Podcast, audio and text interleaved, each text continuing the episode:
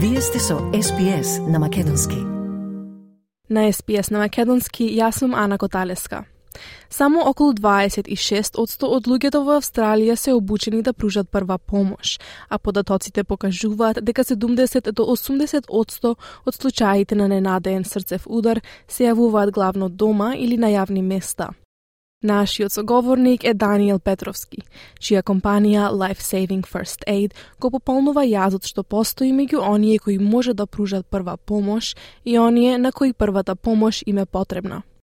Откако Даниел ја започна компанијата во 2017 година, на 21 годишна возраст, таа се прошири на три локации ширум Мелбурн и успешно се приспособи на предизвиците во текот на пандемијата.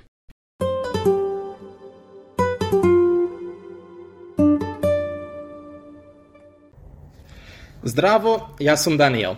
Пред да почнеме да се извинам што македонскиот јазик не ми е перфект. Ама што е важно, со баба ми се разбираме 100% што ќе јадеме или што ќе купиме за јадење. Инаку други работи за мене, завршив една диплома Bachelor in Mechanical Engineering, потоа уште едно диплома Masters in Engineering Mechatronics. Не знам како се вика таа струка на македонски. Ова година почнав да докторирам in Biomedical Engineering, каде што испитувам работи околу бионското око. За почетоците на компанијата Life Saving First Aid, која нуди курсеви по прва помош, Даниел вели дека идејата започнала со неговата мајка, која веќе работела во индустријата. Така, Даниел, кој веќе поседувал одредени компјутерски вештини, на 21 годишна возраст успел да ја кристализира таа идеја.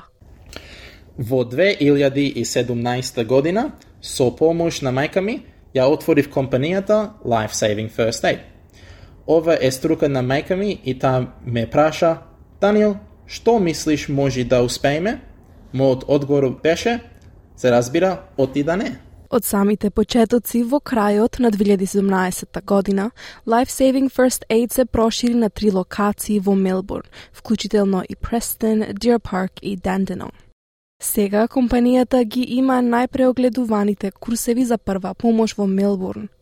Даниел објаснува дека успехот се должи на начинот на кој се одржуваат курсевите, кои што имаат за цел ефикасно да ги обучат клиентите според нивната потреба но и работните услови и задоволството на вработените придонесуваат за се вкупниот успех на компанијата, вели Даниел.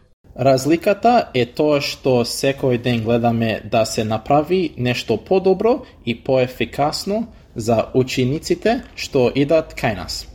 Исто така за бизнисот и за работниците. Учениците се секогаш први, оти без нив немаме бизнес. Неодамна, SPS објави дека во 2021 речиси 300 луѓе починале од давење во Австралија, што е зголемување од 20% во споредба со предходната година. Истовремено, според податоци на Црвениот крст, Австралија ја има една од најниските стапки на подготвеност, кога станува збор за првата помош. Само околу 26 од луѓето во Австралија се обучени да пружат прва помош, а стапките покажуваат дека 70 до 80 од случаите на ненадеен срцев удар се јавуваат главно дома или на јавни места. Со оглед на тоа што несреќите се неизбежни, Даниел вели дека доколку тоа се случи, најдоброто можно нешто што луѓето можат да го направат е да бидат подготвени. Јас верувам дека сите треба да знаат прва помош, оти не знаеш кога ќе треба да поможиш. Дали е тоа за фамилијата, пријатели или луѓе што не ги познаваш. Прва помош не ти треба, дури ти треба. Не би било фантастично ако секој еден знае прва помош. И така, ако се случи нешто да знаеш дека човекот до тебе може да ти поможи. Нешто по кое оваа компанија се разликува од другите кои нудат курсеви по прва помош е начинот на кој Даниел ги користи социјалните мрежи. На Facebook страницата Life Saving First Aid редовно споделува инфографики и статии кои нудат совети за тоа што да се направи во случај на несреќа. Од тоа како да го заштитите вашиот грб при кревање, па до совети што да направите ако ја повредите главата.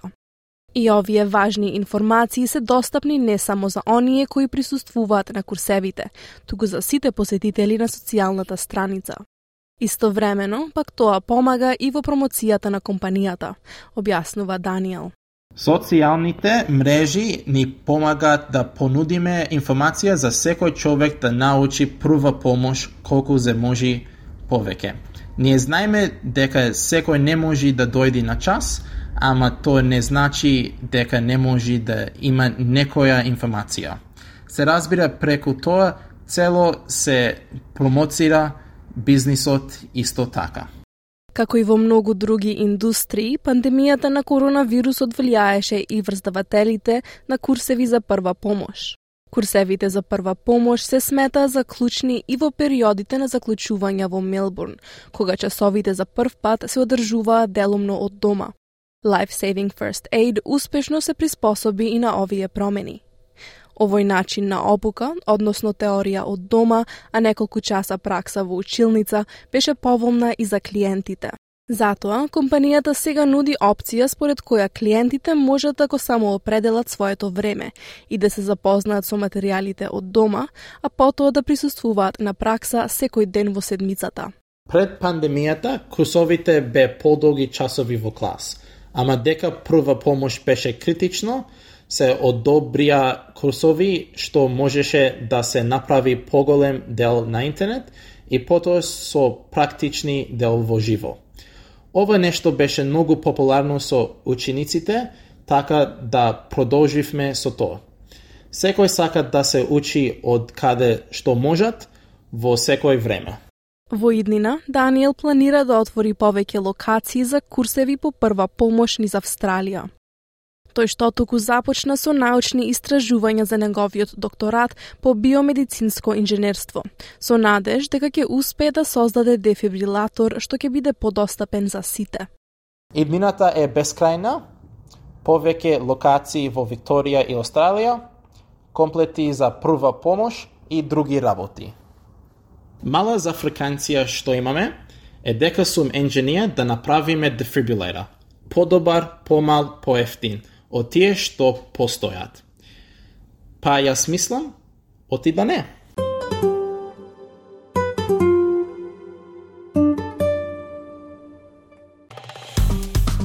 Стиснете, ми се допаѓа, споделете, коментирајте. Следете ја SPS на Македонски на Facebook.